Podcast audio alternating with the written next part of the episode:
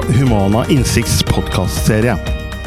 Du skal få høre nå, det er et liveopptak fra eh, Humanas hage, som vi arrangerte på Vøyenvollen gård i uke 33. Der møttes eh, folk koronasikkert og bra for å diskutere eh, og debattere viktige temaer innenfor vår bransje. Alt blir kringkasta på nettet, og du kan se det som webinarer via våre nettsider, men du kan også høre det som en podkast her. I denne podkasten skal vi snakke om tidens krise, nemlig korona. For korona er krise. Og vi snakker om slik har vi løst det i bransjer med mye menneskekontakt og mange smittefølsomme. Vi møter Anne Cecilie Kaltenborn fra NHO Service og Handel, og administrerende direktør i Humana Omsorg og Assistanse, Mona Lien. Ha en god lytt.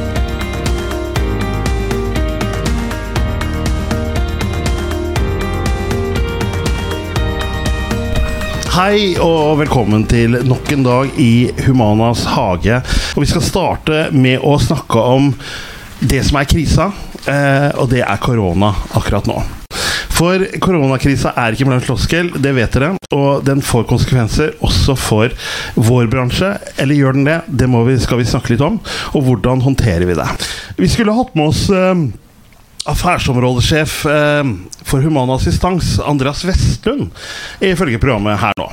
Andreas han bodde i grønn sone, han bor i Ørebro, eh, og skulle komme fordi han var i grønn sone. Nå har Ørebro blitt rød sone, så nå er han eh, blitt hjemme i Sverige. Og det er vi, vi er lei oss for at du ikke er her, Andreas, men jeg er ganske glad for at du holder deg hjemme siden du bor i rød sone.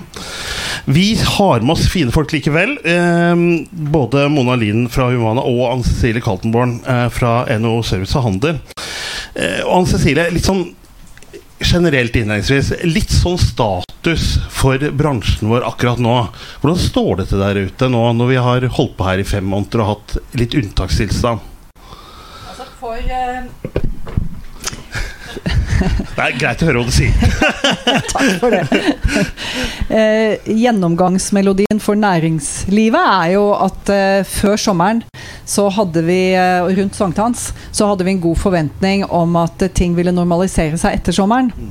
Eh, nå ser vi at vi rykker dessverre stadig nærmere tilbake til start. Mm. Um, og det gjelder jo for Norge som land også. Når det gjelder akkurat denne bransjen, så har jo helse- og velferdsbransjen klart seg langt bedre, naturlig nok, enn mange andre bransjer som er arbeidsintensive, altså hvor det er veldig mange mennesker ansatt, som jo kjennetegner veldig mye av tjenestesektoren. Mm.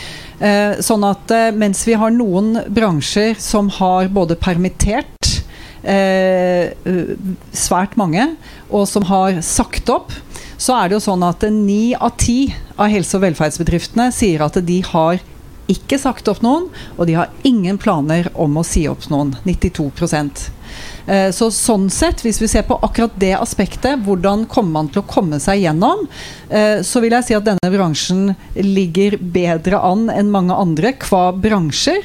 Men jeg må jo også si at det er et paradoks for meg når vi står i det som er en helsekrise for befolkningen, en likviditetskrise for næringslivet og en forvaltningskrise for landet vårt, at akkurat de bedriftene, institusjonene og organisasjonene som jobber med helse, at de ikke er blitt ivaretatt bedre, eller i hvert fall like godt som andre bransjer, det syns jeg er et paradoks.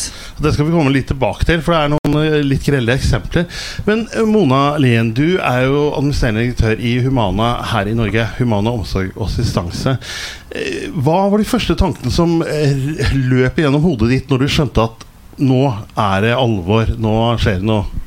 Ja, det var jo først litt vanskelig å forstå og ta inn over seg det alvoret som, som, kom. Men et par dager før landet ble stengt ned, så skjønte vi at vi måtte agere. Og det var jo med litt uh, skrekk, det må si det. Vi har ansvar for over 2000 eh, ansatte som er spredt over hele landet, og flere hundre brukere og beboere. Ansvaret det skyldte ganske kraftig over oss. For det er klart at vi var nødt for å få det her til raskt og riktig, og vi måtte sørge for at alle ansatte eh, gjorde de riktige tingene. Og det var jo full forvirring, eh, både fra Folkehelseinstituttet og regjeringa til å begynne med, hva som egentlig gjaldt. Så vi satte jo krisestab da, og Eh, lagde alle mulige risikovarianter for hva som kunne gå galt, og hvor alvorlig hver og en gal ting kunne bli osv. Og, og sørga for at dette ble, ble spredd i hele organisasjonen. Det som er positivt for oss, da, det er at vi er vant med kriser eh, i mindre målestokk. Vi jobber jo med mennesker i krise hele tiden. Og vi jobber med risikovurderinger og risikoarbeid. Så det gjorde det nok kanskje litt enklere for oss, da. Men når eh, så mange mennesker blir redde for å bli syke. Da kan det jo komme en situasjon hvor det blir få, for få mennesker på jobb, og det er jo eksplisitte krav i mange av våre eh, deler av virksomheten til eh, an, antall ansatte på jobb osv. Eh, hvordan har det gått? Altså, vi var jo veldig bekymra for at ikke vi skulle ha nok eh, personer på, på jobb som kunne ta seg av eh, beboerne våre, Hei, og også de som skal ut og være assistenter for de som trenger eh, BPA. Sånn at, det er et liveopptak fra Humanas hage som vi arrangerte på Vøyenvollen gård i uke 33. Vi hadde også en kampanje hvor vi søkte etter ekstra hjelp viktige og interessante temaer til debatt på en koronasikker måte, og sendte det direkte på nettet. Du kan selvsagt se opptakene på våre våre nettsider som webinar, eller gjøre akkurat som du gjør nå. Høre på podkastversjonen av debatten. Det var en veldig sterk og Denne gangen tar vi opp Blir kommunene tvunget til å diskriminere de over 67 år som trenger særlig ressurskrevende helse- og omsorgstjenester? Med oss har vi Marianne Borgen, ordfører i Oslo fra SV. James Stover Lorentzen, helse- og omsorgskomiteen i Oslo fra Høyre. Og ikke minst Elisabeth Mortensen, direktør hos Humana omsorg Eh, og så kom folk tilbake på jobb. Vi har en fantastisk gruppe mennesker denne, som står så kan du sjekke ut alle podkastkanaler, men du kan også sjekke våre nettsider. Humananorge.no. Så vil du finne mer informasjon. Vi klemmer ikke hverandre lenger. Vi vasker hender på en helt annen måte, og vi holder avstand. så sykefraværet generelt sank jo. Så det var jo i hvert fall noe. Og jeg tenker at Mye av den, den, eh, situasjonen du beskriver, at det gikk bedre enn mange frykta 12.3, det henger jo sammen med at uh, vi generelt har klart oss bra i Norge. Uh, at tiltakene ble satt inn tidlig nok, og at det ble gjort riktige valg da, på, på, myndighetsnivå. Men jeg har lyst til å koble det til en annen bransje hos oss som egentlig er relatert til dere, og det er bemanningsbransjen. Som jo er en veldig stor bransje, og som tenkte at aha, vi kommer til å få en veldig viktig rolle for å sørge for at Norge går rundt i denne tiden. Men de har jo eh, fått mindre å gjøre enn de hadde trodd også, knytta til det samme som, som du beskriver. Mm. Men det har vært noen ganske mange utfordringer, men jeg, jeg, som du var inne på, Cecilie Og en av de tingene som, eh, som jeg personlig reagerte på, veldig på, det var at vi opplevde, og dere avdekket, at flere både private og ideelle aktører i omsorgssektoren ble forskjellsbehandla i, forhold til, uh, i forhold til å få igjen penger for kompensasjon for forskjellige ting. Da, I forhold til hva man måtte bruke penger på av kommunene. Eh, kan du ikke fortelle litt hva dere gjorde med det, og hvordan dere avdekka det? Og hvordan det endte? Jo, altså for, for, det første så har det jo ikke helt endt enda. Eh, vi er ikke i mål med det. Det er fortsatt uklart eh, hvordan eh, kompensasjonen kommer til å filtreres fra regjering og departement og ned til kommuner og institusjoner som leverer til kommunen, kommunene. Det vi er helt enig med KS om, det er at det skal jo prinsipielt ikke ha noe som helst å si eh, hva slags institusjon som leverer omsorgs- og, og helsetjenester. Og de er jo selv veldig opptatt av at kommunene må stå fritt til å velge om de skal levere sine lovpålagte tjenester i egen regi, eller gjennom en privat ideell, eller gjennom en kommersiell aktør. Så det er vi veldig Det er viktig å si først. så Vi er veldig glad for at vi ser likt på det med, med KS, som jo er en stor og viktig aktør i denne sammenhengen. For øvrig så ser vi jo at det er bevilget veldig mange penger til kommunene for å kompensere merutgifter. Eh, men det som er eh, utilfredsstillende, da, for å bruke et ikke for sterkt uttrykk, det er at eh, enn så lenge så har det sittet så langt inne å få noen garantier for at selvfølgelig skal de institusjonene som ikke stilte et spørsmålstegn, de bare satt i gang og jobbe med det som måtte gjøres, uavhengig av hva slags tjenester de bød på innenfor helse og velferd og omsorg, selvfølgelig skal de ivaretas. Den garantien har ikke kommet. Og vi har hatt kontakt med alt som kan krype og gå innenfor eh, i hvert fall fire departement og like mange stortingskomiteer. Eh, og vi opplever eh, det vi kan kalle en mur av velvilje. Alle er helt enig at eh, dette må selvfølgelig kompenseres. Det skulle bare manglet. Og allikevel så, så har man ikke fått de garantiene.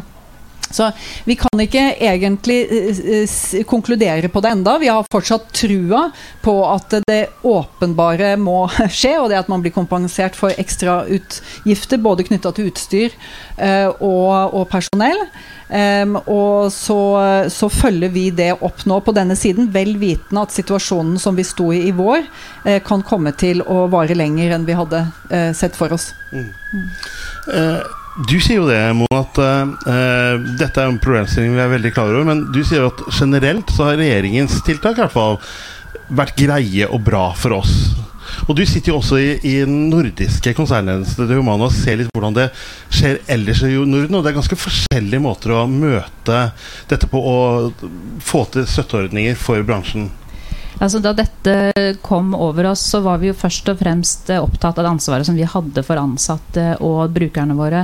Sånn at vi, eh, vi var opptatt av dette med smittevernutstyr. Vi var nødt for å sørge for at vi hadde rikelig av det.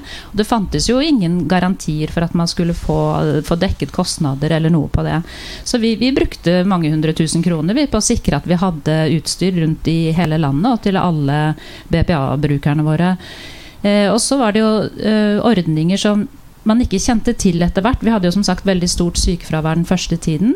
Og i tillegg da til å kjenne på det ansvaret man har for ansatte og brukere, så begynte man jo også å bli litt uh, usikker på økonomien. Hvordan vil dette gå? Vil vi kunne fortsette å ha disse arbeidsplassene?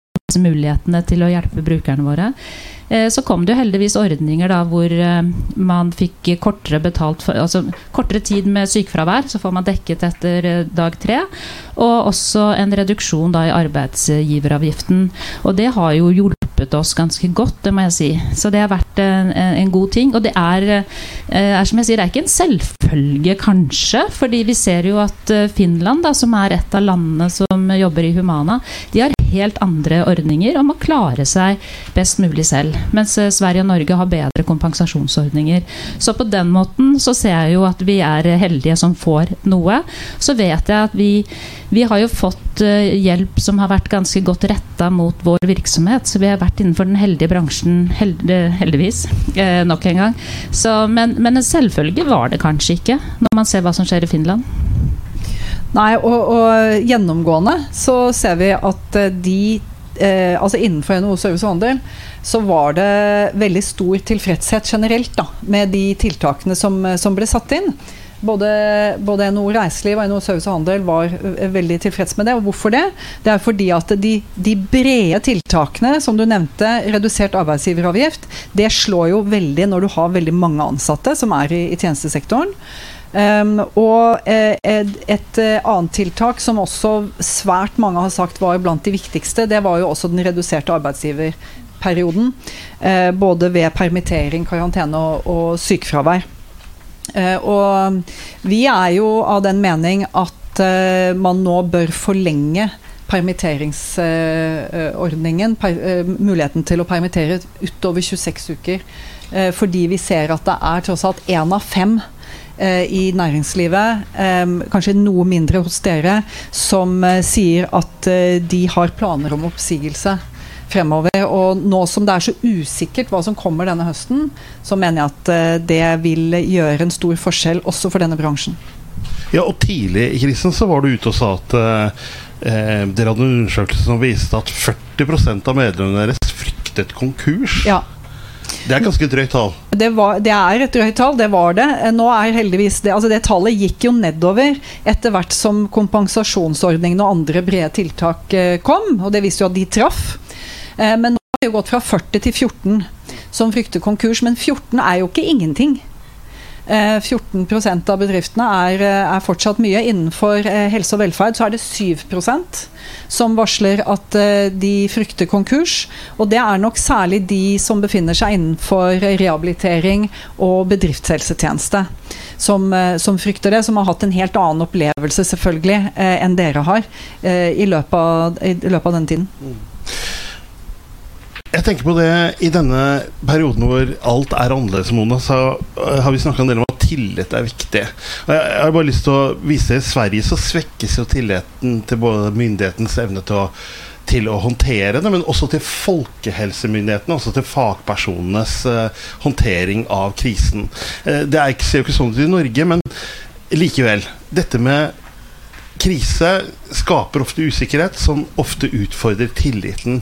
Hvor viktig er det? Kanskje litt ledende spørsmål, men uh... Tillit er et uh, særdeles viktig begrep og en viktig tilstand. Altså, alle nordiske land er jo preget av stor grad av tillit, sånn i utgangspunktet. Eh, og at vi i Norge som nasjon har eh, stor grad av tillit til regjering og styringsmakter for øvrig, og til helsemyndighetene også, det er jo helt avgjørende i en sånn situasjon. Vi er jo lydige fordi vi har tillit. Og det at vi rett og slett gjorde som vi fikk beskjed om til å begynne med denne prosessen, det har jo gjort at vi også har hatt veldig eh, lite smitte i Norge i forhold til andre land. Og dette sprer seg jo sånn internt i en organisasjon også. Tillit i en organisasjon er ekstremt viktig. Eh, og vi merka jo det at når vi liksom kom inn nå i en sånn felles krise i, i Humana, eh, hvor viktig den tilliten var. Altså hvor viktig det er at man på forhånd da, har etablert en god organisasjon med gode strukturer, god ledelse og tillit mellom medarbeidere. Det, det, så vi var avgjørende, fordi at uh, vi trodde på hverandre. Altså Vi hadde tillit til at ledelsen tok de riktige valgene på hva, hvordan det her skulle gjøres og ikke gjøres. Og, og, vi hadde tillit til at medarbeiderne gjorde det som uh, vi mente var riktig. Og det skjedde faktisk. Uh, og den tilliten den må bygges over tid. Den kan jo ikke bygges idet krisa kommer. Sånn at lærdommen må jo være at tillit i en organisasjon den er helt avgjørende for kommende kriser også. Og jeg har lyst til å si at uh, denne krisen har jo virkelig vist at vi har grunn til å ha tillit til de private aktørene innenfor helse og omsorg i Norge. For dere og de har virkelig stilt opp på en forbilledlig måte, uten å tenke bunnlinje først, men har hatt blik blikket stivt festet på bruker og beboer og pasient, akkurat der det skal være. Så jeg vil si at denne tiden her bør ha eh, styrket tilliten for de som eh, var i tvil. Det som jeg imidlertid er opptatt av fremover nå, som vi kommer til å ha blikket festa på, det er eh, hvordan skal vi ha tillit til at eh, ved en kommende pandemi at dere blir ivaretatt? Vil dere være interessert i, villige til, være i stand til å stille opp, motivert til å stille opp på samme måte en gang til hvis man ikke blir kompensert? I denne runden her. Det er et såpass viktig spørsmål uh, at det, det, kommer vi til å fortsette å løfte overfor uh, myndighetene. Og jeg tenker også at når dette på et eller annet tidspunkt legger seg, så skal vi også se mer på hva slags beredskapsavtaler bransjen har med myndighetene. For der må vi vel innse at vi ikke hadde tenkt langt nok. Vi hadde ikke liggende i skuffen noen sånne avtaler om at hvis dette skjer, så er vår rolle XYZ. Og det tenker jeg er eh, helt åpenbart at det, det, bør vi jobbe med nå, sånn at vi har det til neste gang. Og til gjengjeld så må vi også ha en eh, forventning om at uh, merutgifter blir dekket uavhengig av eierform. Skulle gjerne høre hva du tenkte om det, Mona. Ja, altså det er jo sånn at uh, Så lenge vi uh, jobber med mennesker som, som, trenger oss av ulike årsaker, så er jo vi her først og fremst for dem og kjenner jo på det ansvaret veldig stort. Og vi er jo her Vi er mange idealister som jobber med det her. Sånn at det er nok ganske enkelt for uh, oppdragsgiver å tenke at de gjør jo jobben sin allikevel. For det gjør vi jo. ikke sant? Sånn at det er et litt vanskelig pressmiddel å si at da, da stiller vi ikke opp. Sånn at vi må nok jobbe på, på litt andre måter i i forkant av ting som kan skje framover, for hvordan det her kan, kan, se ut. For når krisen er her, så, og ellers også til hverdags, så er jo vi der for våre brukere. Altså. Vi er det. Og da koster det hva det koste vil, på en måte. Mm. Um, så er det som med alle kriser at det vil alltid være noen som utnytter dette til politisk agitasjon. Og også vår bransje har blitt utsatt for, for det. Spesielt i Sverige så har det vært snakk om at uh, Svenske sykehjem har lavere personaltetthet, flere teamansatte, lavere lønn, lavere andel ansatte med formell utdanning osv. Da har man trukket konkluderingen med at uh, ønsket om liberalisering og velferdsmiks, som man sier her i Norge, da, også fører til at flere faktisk har dødd. Ganske drøye påstander. Og disse påstandene er gjentatt i Agenda Magasin, f.eks. Fra, og bl.a. fra eh, folk på venstresida i norsk politikk. Og hva tenker du Cecilie, om at man bruker en sånn krise til å fremme ja, jeg vil kalle det spekulative eh, rykter om hva som fører til folks død? Nei, det syns jeg rett og slett er eh, nedslående. Um, jeg, kan ikke si at eh, jeg er eh, overrasket, fordi det har kommet veldig nedslående påstander fra den kanten før, som ikke er forankret i fakta. Um, og når det gjelder uh, de tingene som det eh, snakkes om her, da, så får man jo for det første inntrykk av at det meste av svensk eh, eldreomsorg er driftet av private. Uh, og det er jo på ingen måte tilfellet. Det er ca. to av ti plasser som er det. I Norge så kan man jo også få det inntrykket uh, at nå er det snart ikke en kommunal, kommunalt sykehjem igjen. Og tilfellet er jo at ni av ti er kommunalt drevne, men gjennom retorikken og diskursen så får du liksom inntrykk av at nei, nå er det nesten ikke noe offentlig eh, tilbud igjen. Så, så det er jo den ene eh, misvisende siden ved, ved dette, at det, det meste av svensk eldreomsorg er offentlig. Eh, det andre er jo at eh, det som er av lønn, av pleiefaktor og personell osv., det er jo alt sammen diktert av innkjøper. Eh, Sånn at man kan ikke, når man syns det er beleilig, legge det ansvaret bort og så ta det tilbake en annen, eh, i en annen debatt. Det er og blir et offentlig ansvar. Det ønsker vi at det skal være. Det ønsker vi at det skal være i Norge også. Og vi ser at eh, virkeligheten er faktisk en annen. Eh, hvis man skulle peke på disse forskjellene, hvilket jeg mener i utgangspunktet vi ikke trenger å holde på med i tide og utide, fordi det er kvalitetsmålingene som, eh, som forteller oss hva som gjelder, så er det jo sånn at eh, når man er bundet av en kontrakt, så viser det seg jo at pleiefaktoren svært ofte er høyere. I hvert fall ikke lavere. Um, og eh, NOVA har jo gjort undersøkelser på dette her som viser at eh, det er et stort problem at sykepleiere ved sykdom eller annet fravær ikke blir erstattet i eldreomsorgen. Det er selvfølgelig svært alvorlig for kvaliteten. Det som imidlertid er veldig viktig, det er jo at det, i offentlige institusjoner så, skjer, eh, så blir en sykepleier bare erstattet i én av fire tilfeller. Mens det er jo ikke tilfellet i de private institusjonene, for da vil de jo miste oppdraget sitt. Da vil de jo miste anbudet og eller få bot. Sånn at det å, ha, eh, å være drevet gjennom en kontrakt, det kan jo tvert imot være en garanti for at du har en høy pleiefaktor. Ikke bare på anbudspapiret, men også eh, over tid. Fordi at det blir faktisk eh, kontrollert. Så jeg syns at det er eh, veldig viktig å merke seg det. Eh, og altfor få som snakker om det. Og dette er undersøkelser som NSF har bestilt eh, for noen år tilbake, og som eh, hadde vært interessant å gjennomføre igjen for å se om noe av det har endra seg. Men prinsippet er svært viktig. Veldig viktig. Nå driver ikke vi eldrepleie i Norge, Mona, men det er et angrep på en bransje og en driftsform eh, og, som man bruker denne pandemien til å, å, å fremme. Eh, kan ikke du si litt om hva du tenker om da? Det, det føles jo litt som et sånt slag under beltestedet, som det heter. At man skal kritisere hverandre midt i en eh, krise fordi at man er organisert annerledes i den måten man leverer tjenester på. Så jeg syns at den er litt uforståelig. Jeg syns også det er ganske dårlig grunnlag for påstanden.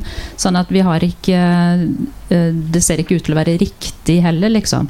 Så man skal stå sammen i en krise, så får vi heller ta den ideologiske kampen eh, før og etter, for å si det sånn. Men dette har ikke noe med eierform å gjøre. Og vi skal diskutere dette her litt senere i dag. For vi skal spille oss i dagens siste sesjon spørsmålet om brukerne og de som mottar tjenestene, blir helt borte i diskusjonen om privat, offentlig og ideell. Da kommer bl.a. professor Kåre Hagen, som eh, leder et offentlig utvalg, som ser på dette her. Det skal bli veldig spennende.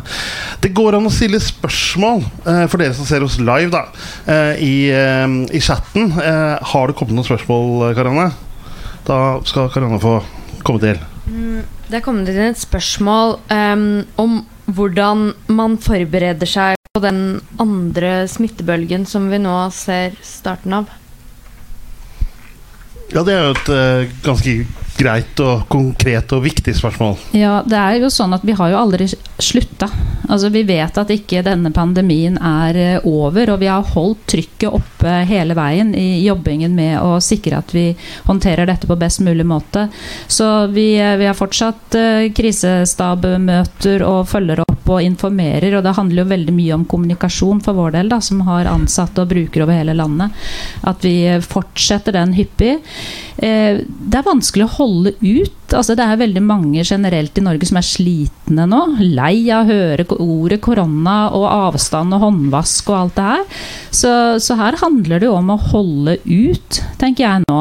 Og skulle det vise seg at det øker, så får vi jo nå ganske tydelige og raske føringer både fra regjeringen og FHI på, på hvordan vi skal forholde oss, og vi følger jo med på det eh, nitidig. Og informerer og lager retningslinjer fortløpende. Så vi har jo nå alt på plass i forhold til hvordan vi skal gjøre det, og vi intensiverer etter, eh, etter behov. Ja, jeg tenker jo at uh, som, som, alle at den tiden vi har vært igjennom, fra mars til sankthans kanskje særlig, var jo en, et, et, eksperiment, men også en veldig viktig opplæringstid for Norge. Um, og at det er noe vi kommer til å ha med oss uh, kanskje i en, en generasjon. Uh, I hvert fall sånn at uh, Når vi forbereder oss på, det, på, en forlengelse, så bærer vi jo med oss helt helt annen bevissthet. Og faktisk endrede samværsformer, endrede arbeidsformer i hvert fall. Og kanskje etter hvert også endrede tradisjoner. Så, så, stor er denne krisen og denne, denne omleggingen. Og så tror jeg jo at vi har vært vi har gjort ting som er så drastiske nå. Um, både uh, de uh, enorme uh, mengdene med, med, midler man har vært villig til å, å bruke, men også de drastiske omleggingene og begrensningene av folks handlingsrom. Da. At jeg tror at fremover så tror jeg vi kanskje som nasjon kommer til å være villige til å se på sånn skift-turnusordninger også innenfor arbeidslivet, hvor de som, de som, ikke har vært vant til å tenke sånn, kanskje i mye større grad kommer til å gjøre det. er Kanskje noen jobber syv til to, og noen to til syv. Um, og, og, kanskje vi kommer til å være villige til å gå ned sånne veier som vi ikke har vært eh, villige til å gjøre. Og hva kommer det til å bære med seg av endrede behov også? Um, og endrede ja, strukturer, rett og slett. Eh, endrede behov for offentlig transport osv. Så, eh, så jeg tror at det er vel den type ting som vi kommer til å se eh, i, i, denne runden som kommer nå. Mm. Interessant. Fortsett å sende spørsmål hvis dere har. Jeg vet det er mange som kommenterer. Eh, det er én ting som jeg må innom. Eh, og det er faktisk lønnsoppgjøret. For det er i gang, og det får konsekvenser. Eh, korona får konsekvenser for det også. For der har jo NHO sagt at eh, det er ikke rom for verken sentrale tillegg eller andre kostnader i lønnsoppgjøret i år. Og det er kanskje ikke så populært å si. Nei. Uh, nei, nå, og jeg skal ikke gå dypt inn i å kommentere på dette oppgjøret nå. Eh, men, fordi det er i gang. Og det som dere vet, så har det vært da eh, brudd i forhandlingene i frontfaget. vi har jo generelt veldig stor tro på at frontfaget tjener Norge veldig godt. Det er fordi at de går foran og sier hvilket lønnsoppgjør som vi har råd til å ha i landet vårt. Eh, det har tjent oss godt i mange tiår. Og det er vel kanskje også i situasjoner som dette her at vi får se både hvor krevende det er, eh, men også hvor, nettopp hvor viktig det er. Um, så jeg har ikke lyst til å si uh, egentlig noe mer enn det du har sitert. At uh, NHO har vedtatt en, en stram forhandlings, stramt forhandlingsmandat. og så er vi i gang nå. Eh, og jeg tror vel generelt at det er eh, stor forståelse eh, for at vi står i en helt ekstraordinær situasjon, hvor mange bedrifter fortsatt er usikre på om de kommer gjennom tredje kvartal. fordi at særlig da, innen tjenester og handel, som, som vi har ansvar for, så er det klart at den første bølgen, det var resultater av smittevern smitteverntiltak. Du kan ikke gå dit du hadde tenkt å gå. Den andre bølgen kan jo også da komme i en kombinasjon med mer smittevern, men også redusert etterspørsel fra bedrifter som sliter. Og da har du en dobbel eh, dose. Uh, og det er ingen av oss som vet akkurat hvordan det treffer, men at vi er i en krevende situasjon fortsatt, det tror jeg er blitt mye tydeligere for oss nå i august enn det var rundt sankthans. Nå skal ikke vi forskuttere lønnsoppgjøret i Humana heller, Mona, men man kan reflektere rundt å ha 2000 ansatte som har tatt al alvoret innover seg og gjort en stor innsats, og kan bli møtt med at uh, det er vanskelig med lønns, uh, et, et, godt lønnsoppgjør i år.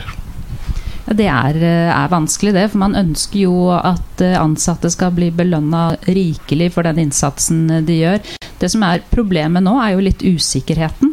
Vi vet jo ikke helt hvordan det går. Vi vet ikke helt hva slags kompensasjonsordninger som vil komme videre. For at dette med redusert arbeidsgiveravgift f.eks., det er jo en sånn eh, tomåneders uh, sak. Eh, hva skjer da etterpå? Så vi er jo veldig personalintensive. Vi har jo opptil 80 eh, ansatt liksom av av hele drifta vår som er ansatte.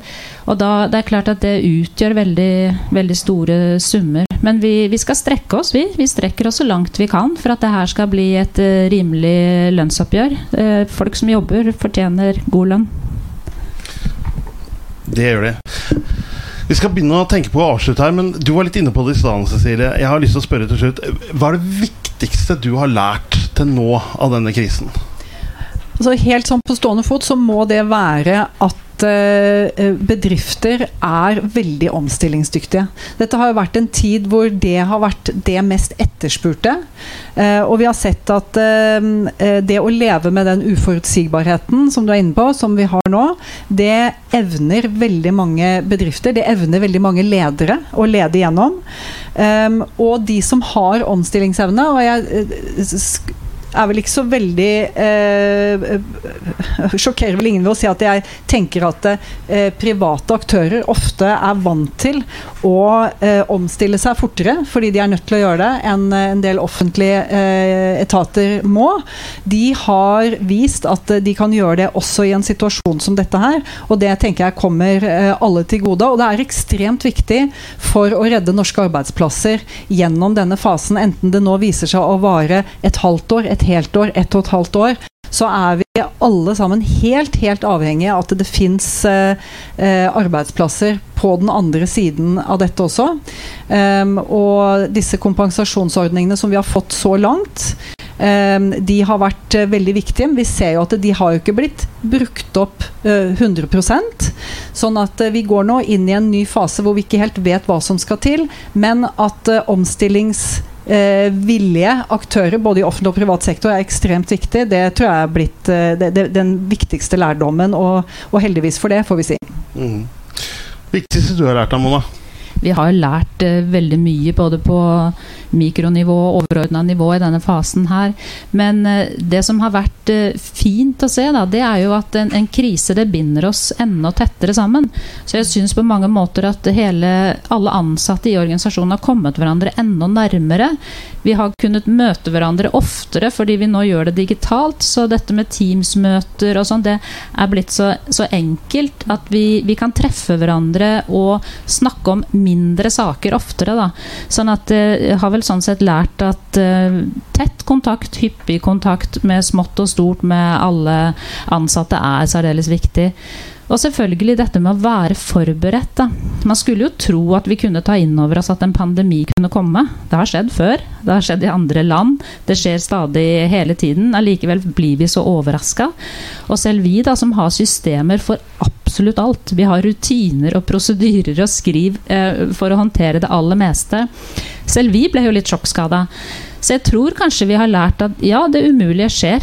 Og det, det, det, skjer igjen, garantert. Og vi har lært også at vi er i stand til å håndtere det. For vi står sammen, vi står samla. Og det syns jeg i og for seg hele Norge har gjort også. Sånn at uh, den følelsen av uh, å, å, stå sammen i en krise, den syns jeg har vært fin. Og jeg tror det er viktig nå at vi ikke slutter med det. Mm. For at man ser jo litt sånn der antydninger nå til at det blir litt mer splittelse. Skal vi høre på disse rådene? Er det riktige råd? Har de holdt på for lenge? Har de holdt på for kort? Og så blir det litt mer sånn konspirasjonstenkning og ja, litt mindre tillit, da. Eh, sånn at vi begynner å, å, sprike litt mer hva vi stoler på. Og den må vi samle igjen, hvis vi skal få til det. Særlig hvis bølge nummer to kommer, som den ene eh, tilhøreren eh, spurte etter. Så må vi stå samla. Det blir det viktigste. Ja, og jeg tenker at eh, Langs den linja der så har vi eh, Må jeg også si at en av de tingene som vi virkelig har opplevd, det er jo fordelen ved å være et lite land. Vel er det forskjell fra sentrum eh, til periferi i Norge også, men jeg tror det er eh, mye vanskeligere å, å hanskes med i en del andre land. Og vi eh, opplever fra NHO sin side at eh, politikere både i, på storting og regjering har vært veldig lydhøre. Eh, og vært veldig opptatt av å forstå hvordan dette treffer eh, i næringslivet. Og det har vært entydig en positiv opplevelse. Eh, og gir trua på at vi er egentlig gode til å møte sånne ting som dette her. Viktig budskap her til slutt. Takk til dere.